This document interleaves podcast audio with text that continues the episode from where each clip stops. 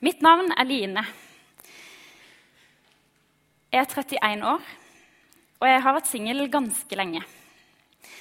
Jeg lurte først på om jeg kunne si det at jeg hadde vært singel i 31 år, men fant ut at det er kanskje litt spesielt å kalle seg singel som fem- eller tiåring. Eh, så da tar vi det heller fra fylt 18. Så da har jeg altså vært singel i 13 år. Det er jo en god stund, det òg. Men eh, kanskje ikke like skremmende som 31. Og I løpet av disse 13 åra vil jeg påstå at det har passa godt med kjæreste ganske mange ganger. Sånn hvis det skulle vært opp til meg. Det er jo sjelden det er det. Men eh, bare ikke akkurat de siste seks månedene. For det er noe med det når en sier ja til å snakke om det å være singel.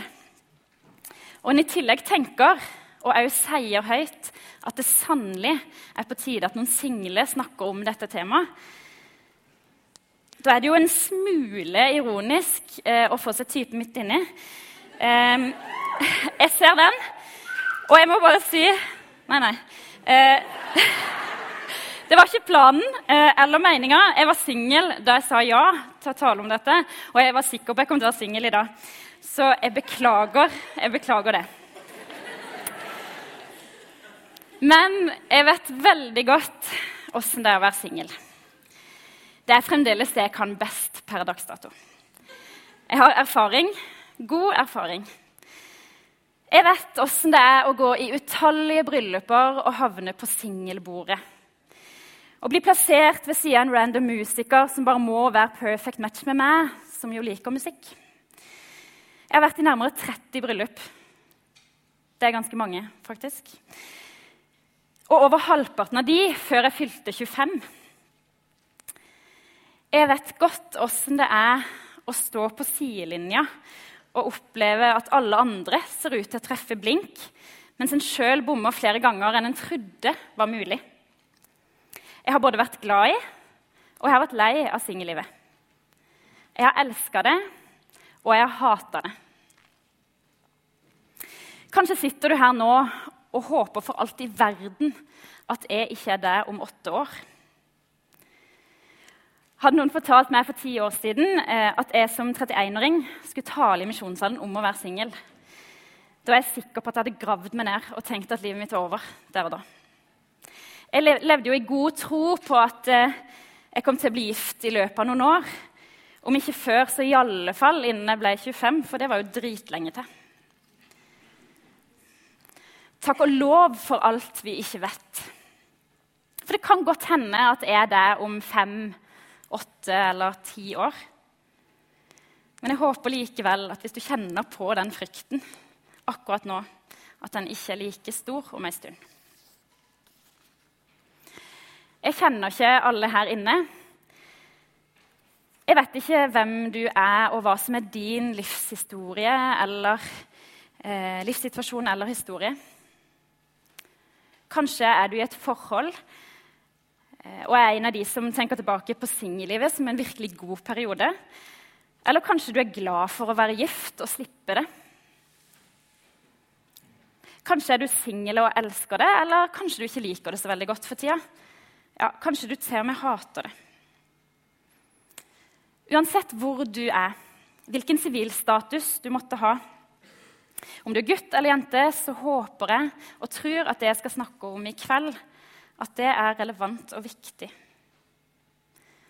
Så om du ikke føler at det treffer deg akkurat der du er nå, så kan det jo hende at det gjelder noen du kjenner. Kanskje kan det hjelpe deg personlig, eller så kan det gi deg noen heads up for åssen andre kan ha det. Vi jakter på kjærligheten. I 2016 så er vi ganske opptatt av akkurat det. På TV, Tinder, Internett, i kirka. Det kan være gøy, det kan være spennende, og det kan være skummelt og det kan være helt grusomt. Og så har du de som elsker å jakte på kjærligheten for oss.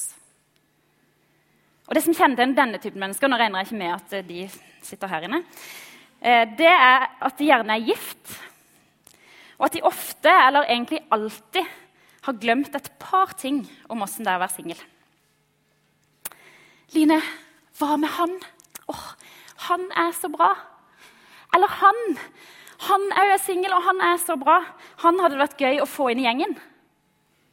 Flaks, tenker jeg, for bra var jo akkurat det jeg var på jakt etter. Og selvfølgelig at du liker han. Om vi har god kjemi, det er jo ikke så veldig farlig. Eh, det er jo bare å gi det noen måneder, så går det seg sikkert til. For han er jo veldig, veldig bra. Og så har jeg òg fått en del dumme, men velmenende råd.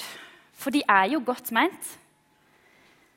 Det er bare det at de ikke funker som så veldig gode råd. Du er nok altfor kresen. Nå ble det et råd, tenker jeg. Eller slapp av. Det skjer mens du minst venter det. Åssen i alle dager går en rundt og minst venter noe? Eller denne Seriøst, jeg skjønner ikke at du ikke er gift. Og svarer meg på det takk? Altså Eller den Hvis det kan skje med meg, så kan det skje med deg. Jeg har av og til lurt litt på om disse vennene bare plukka inn tilfeldig da de gifta seg. For kan, de får det jo til å høres veldig enkelt ut. Og så vet jeg jo at ikke det er tilfellet. Så da kan det virke litt som at ekteskapet gir et slags hukommelsestap. Jeg tipper at det sitter flere her i kveld som syns det er helt topp å være singel. Og at livet egentlig ikke kunne vært stort bedre akkurat nå. Kanskje ikke du har tenkt på det engang, at det kan være utfordrende. Og så kommer jeg her og så gir jeg deg utfordringer å tenke på. Det er virkelig ikke meninga. Jeg hyller det. Jeg hyller det hvis ikke du kjenner deg igjen i alt jeg snakker om. Mye kan avhenge av hvem vi omgås, erfaringa vår og hvem vi er. Hvis vi kun omgås med single, så er kanskje ikke dette noe vi bruker mye energi på å tenke på. Men dersom vi har bare masse par rundt oss, så kan situasjonen være ganske annerledes. For det kan òg være utfordrende. Det å være singel og virkelig ønske å finne noen å dele livet med. Det kan oppleves fryktelig slitsomt. Og jeg tror at uavhengig av om du er 20, 25 eller 35 om det er gutt eller jente, så kan det å være singel til tider oppleves sjølransakende, skamfullt og sårbart. Og akkurat dette er noe av det som gjør dette temaet til litt vanskelig å snakke om, men desto viktigere. Jeg vil påstå at vi er veldig flinke til å snakke om og løfte fram ekteskapet i våre kristne sammenhenger. Og det er veldig, veldig bra. Men jeg tror òg at ekteskapet sin posisjon av og til kan gi oss en følelse av at livet vårt ikke er like verdifullt eller komplett som singel. At vi er på vent, at vi er underveis, hvor målet er ekteskapet.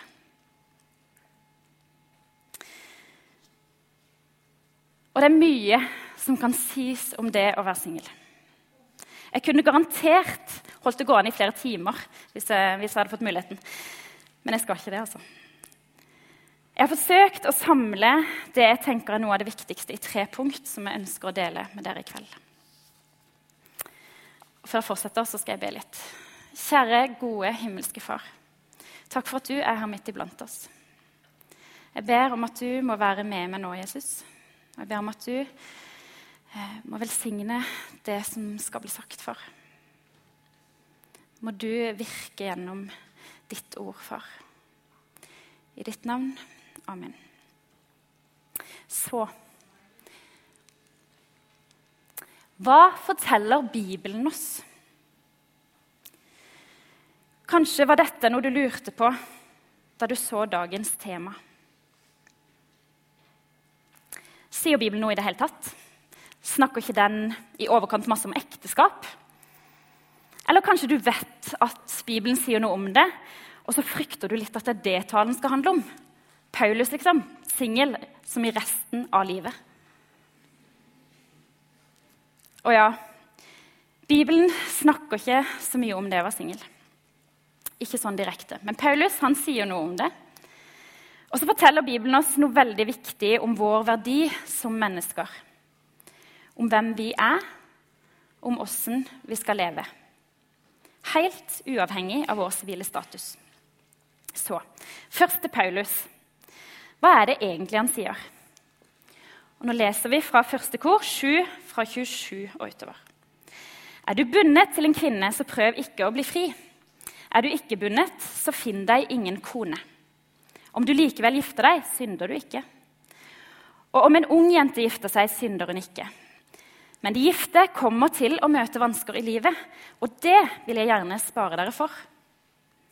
Jeg vil at dere skal slippe bekymringer. Den ugifte er opptatt av det som hører Herren til, hvordan han kan være til glede for Herren. Men den som er gift, er opptatt av det som hører verden til, hvordan han kan glede sin kone. Og så blir sinnet delt. Den ugifte kvinnen og den unge jenta er opptatt av det som hører Herren til, så de kan være hellige i både kropp og sjel. Men den gifte kvinna er opptatt av det som hører verden til, hvordan hun kan glede sin mann. Jeg sier dette til deres eget beste, ikke for å legge bånd på dere, men for at dere skal leve sømmelig og holde dere trofast og helhjerta til Herren. Hvis du er gift, ta det med ro. Bibelen sier veldig mye fint om det å være tro. Det er ikke for å skremme dere at jeg leser dette. Men vet du, det er OK å være singel. Og ikke nok med å være OK. Paulus han ramser opp mange fordeler ved å være singel. Og Tidligere i dette kapittelet, i vers 7, så snakker Paulus om at han skulle ønske alle var som han. Singel, altså. Og så sier han videre.: Men enhver har sin egen nådegave fra Gud. En slik og en annen slik. Da jeg ble spurt om å holde denne talen, så var min første tanke at jeg i alle fall skulle styre unna Paulus. For Paulus snakker jo om gaven til å være singel.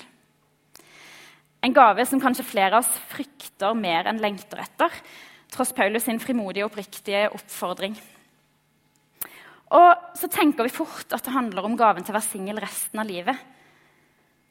Og det er ikke feil å tenke det, for det var jo nettopp det Paulus var. Men det som er så enormt fint og befriende med Paulus sine ord, det er at han snakker om det å være singel nettopp som en gave. Og en gave er jo noe fint. Og dette er viktig. Ikke bare for deg som er singel, men også for deg som er i et forhold. Disse versene sier mye bra om det å være singel. Paulus forteller oss at det faktisk kan være en fordel å være singel. For da har en mer tid til Gud. Tenk det. Fakta fra Bibelen. Om du kommer til å være singel resten av livet, eller om du er singel i dag og ikke har tenkt og ikke håper å være det resten av livet, så tror jeg at Paulus sine ord er relevante og viktige. For poenget er at det å være singel er en gave. Det er en velsignelse. Det er en gave fra Gud, om det er midlertidig eller om det er resten av livet. Og det er en gave om du føler det er det eller ikke. Tenk det. Det er ikke mine ord, det er Bibelens ord. Og så vil jeg òg påstå at det er bra for Gud at ikke alle gifter seg i begynnelsen av 20-åra. Det er ikke Bibelens ord, det er mine ord. Det er veldig vesentlig forskjell der. Eh, men hvordan tror du menighetene våre eller ungdomsklubbene hadde fungert? For vi har nemlig en helt annen kapasitet eh, og tid som single enn de som gifter seg og får familie. Det kan være provoserende, men det er jo sant. Og jeg mener ikke at alle single nødvendigvis har så mye mer fritid. Det er godt mulig at du har nok av ting å gjøre. Det er jo ikke akkurat et problem å fylle opp timene i døgnet. Men hvis vi ser bort fra det vi frivillig følger tida med, så er det en forskjell på det å være én og det å være to og flere. Sånn er det bare. Og så skal ikke det være en unnskyldning eh, til ikke å være engasjert i menighet dersom en er i et forhold eller er gift og har familie. Men det setter automatisk noen begrensninger. Og nå må dere virkelig ikke misforstå meg. Jeg vet om mange single både gutter og jenter som har opplevd å få tildelt oppgaver i kirka fordi de er single og har mer tid enn de som er gift. Det er stor forskjell på å ta imot en gave og se hva Gud kan gjøre i livet vårt med den tida vi har, og ressursene våre, enn at andre skal prakke på oss oppgaver som de sjøl ikke har tid til, fordi de har familie og lite tid til overs. Men så har vi alle et ansvar eh, for livet våre. Om vi er et forhold eller om vi er single. Jeg tror Noe av utfordringa som vi mennesker har i dag, er at vi kan bli enormt sjølopptatte. Og dette gjelder virkelig ikke bare single. Men vi har mye av både tid og penger som vi kun trenger å bruke på oss sjøl. Det er jo en grunn til at vi kanskje får et lite stikk når Paulus så fint sier at den ugifte er opptatt av det som hører Herren til, hvordan han kan være til glede for Herren. Helt ærlig, jeg kan ikke skryte på med det. I alle fall ikke 24 timer i døgnet. Og så er det ikke for å gi dårlig samvittighet at jeg sier dette. Men jeg tror at det er viktig å skape en bevissthet eh, rundt hva livet vårt handler om. Ikke minst som Jesu etterfølger. Hva handler mitt single liv om? Og hvis det er en gave, hva bruker jeg det til? Tør jeg bruke det? Vil jeg bruke den?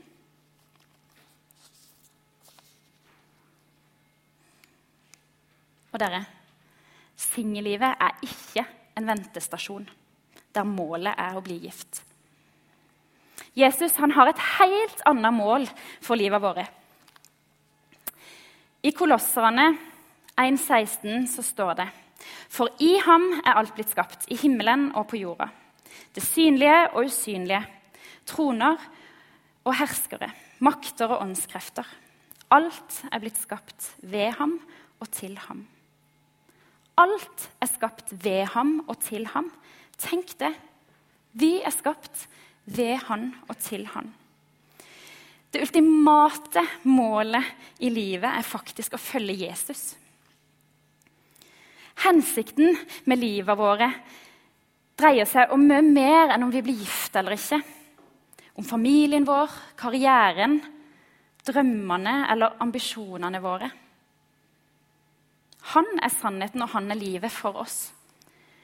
Målet er at vi skal kjenne han. Og så kan vi oppleve oss definert av vår sivile status. Vi kan oppleve det urettferdig at alle andre får kjæreste. Men livet er så uendelig mye mer enn om vi er én eller to. Livet med Jesus det er her og nå, helt fullstendig uavhengig av om, eh, din sivile status. Jesus han er ikke opptatt av om du er gift eller om du er singel, for å gi deg det han har for deg. Det betyr ikke at du ikke skal be for ekteskapet ditt eller om det å finne noen.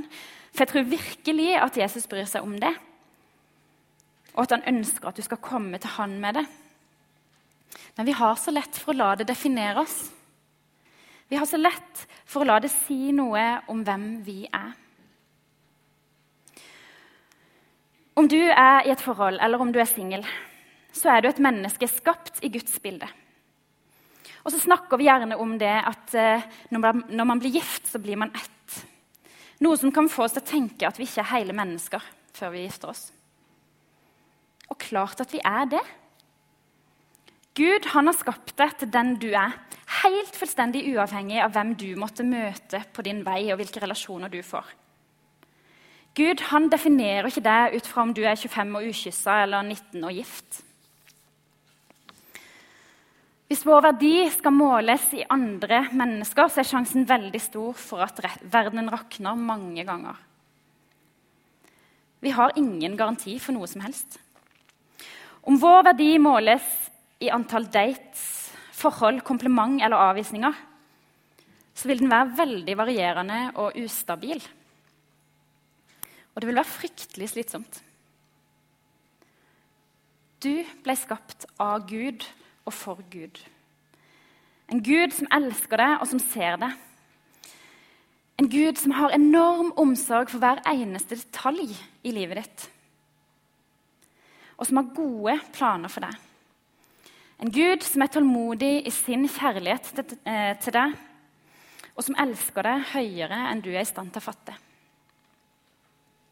Den amerikanske pastoren og forfatteren Rick Warren har sagt følgende.: Hvis du vil vite hvor mye du betyr for Gud, så skal du se på Jesus der han henger på korset med utstrakte armer og sier, 'Så høyt elsker jeg deg. Jeg vil heller dø enn å leve uten deg.' Jesus sin kjærlighet til oss er det som virkelig gir livet verdi. Og det er noe vi trenger å forstå i alle livets faser.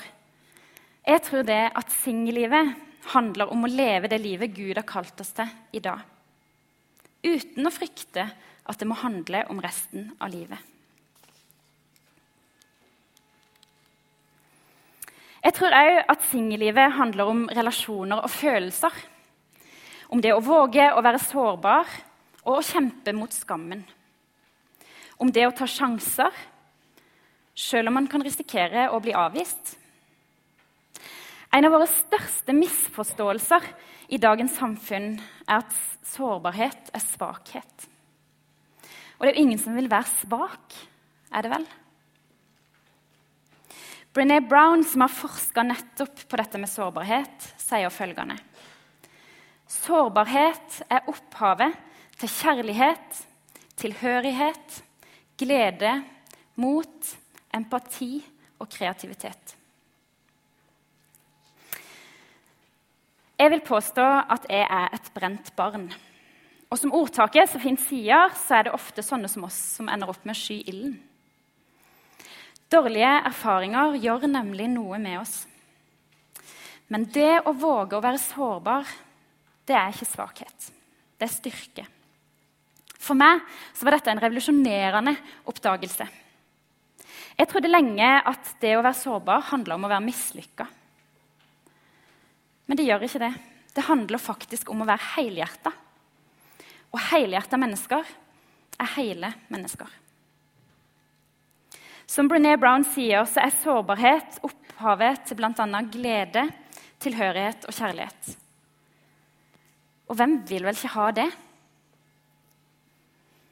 Og så har vi mennesker så utrolig lett for å unngå det sårbare. Det er jo både ubehagelig og risky. Men vet du, det er faktisk helt nødvendig når vi bygger relasjoner. Det er nødvendighet i livet. Hele livet. Men det å være sårbar, det koster. Jeg tør påstå at hvis ikke det koster, så er du ikke sårbar. Og det å være sårbar i relasjoner det risikerer òg sjansen for å bli avvist. Og det kan være fryktelig vondt. Det kan være vondt om det skjer etter en kopp kaffe med det du tenkte var mannen i ditt liv. Eller etter noen måneder med hun som først var sikker, men som ombestemte seg etter at du hadde hoppa i det med begge beina.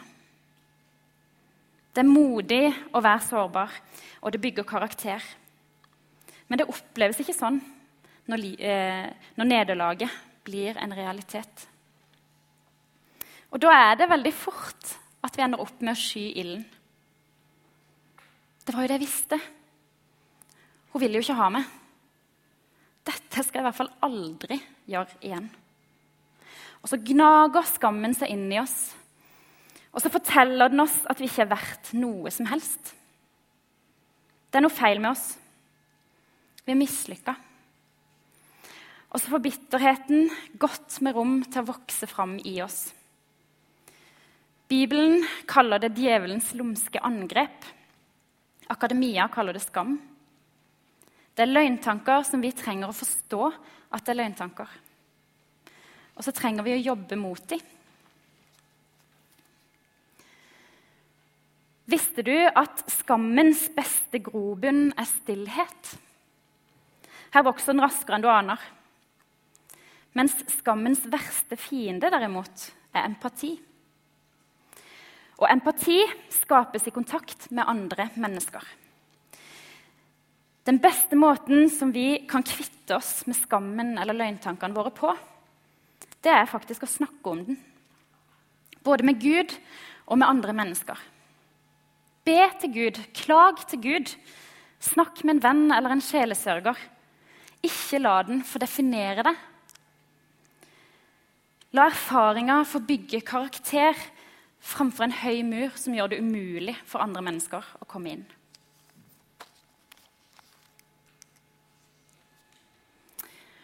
Og så lever vi i en verden av illusjoner, hvor drømmedama er retusjert, og drømmemannen er høy og mørk og følsom med sixpack. Listene er lange, og så tror vi at vi må vite alt den første måneden. Om ikke annet så kan jo Gud hjelpe meg med det. For hvis det er riktig, så vil han nok fortelle meg det. Og hvis ikke, da er det nok best å trekke seg. Men jeg vil påstå én ting. At vi kan ikke vite åssen noe kan bli, før vi lar det bli, bli noe. Sjøl ikke om vi til og med ber Gud om det. Og da mener ikke jeg at det bare er å gå og finne noen, eh, og så går det seg til. Og at vi ikke skal ta dårlig magefølelse på alvor. Jeg er ikke havna i den grøfta der. Men hvis du møter ei jente eller en gutt som du liker, som du syns er bra, og som du syns er interessant og gøy å være med, da må du faktisk til slutt bare hoppe i det uten å vite helt åssen det går. Og uten å ha alle svara. Gi hverandre sjanser. La en kaffe være en kaffe. Og være rause. Det er ikke alltid at en person får vist hvem man er på en to timers kafétur. Kanskje er det verdt en kaffe til, selv om du er usikker. Og så til en av mine kampsaker i livet. La oss behandle hverandre med respekt. Hvis det er noe som er bibelsk, og som vi kristne burde vært flinke på, så er det nettopp det. Jesus han sier det klart og tydelig at vi skal elske vår neste som oss sjøl. Og så har vi en tendens til å glemme dette like ofte som alle andre.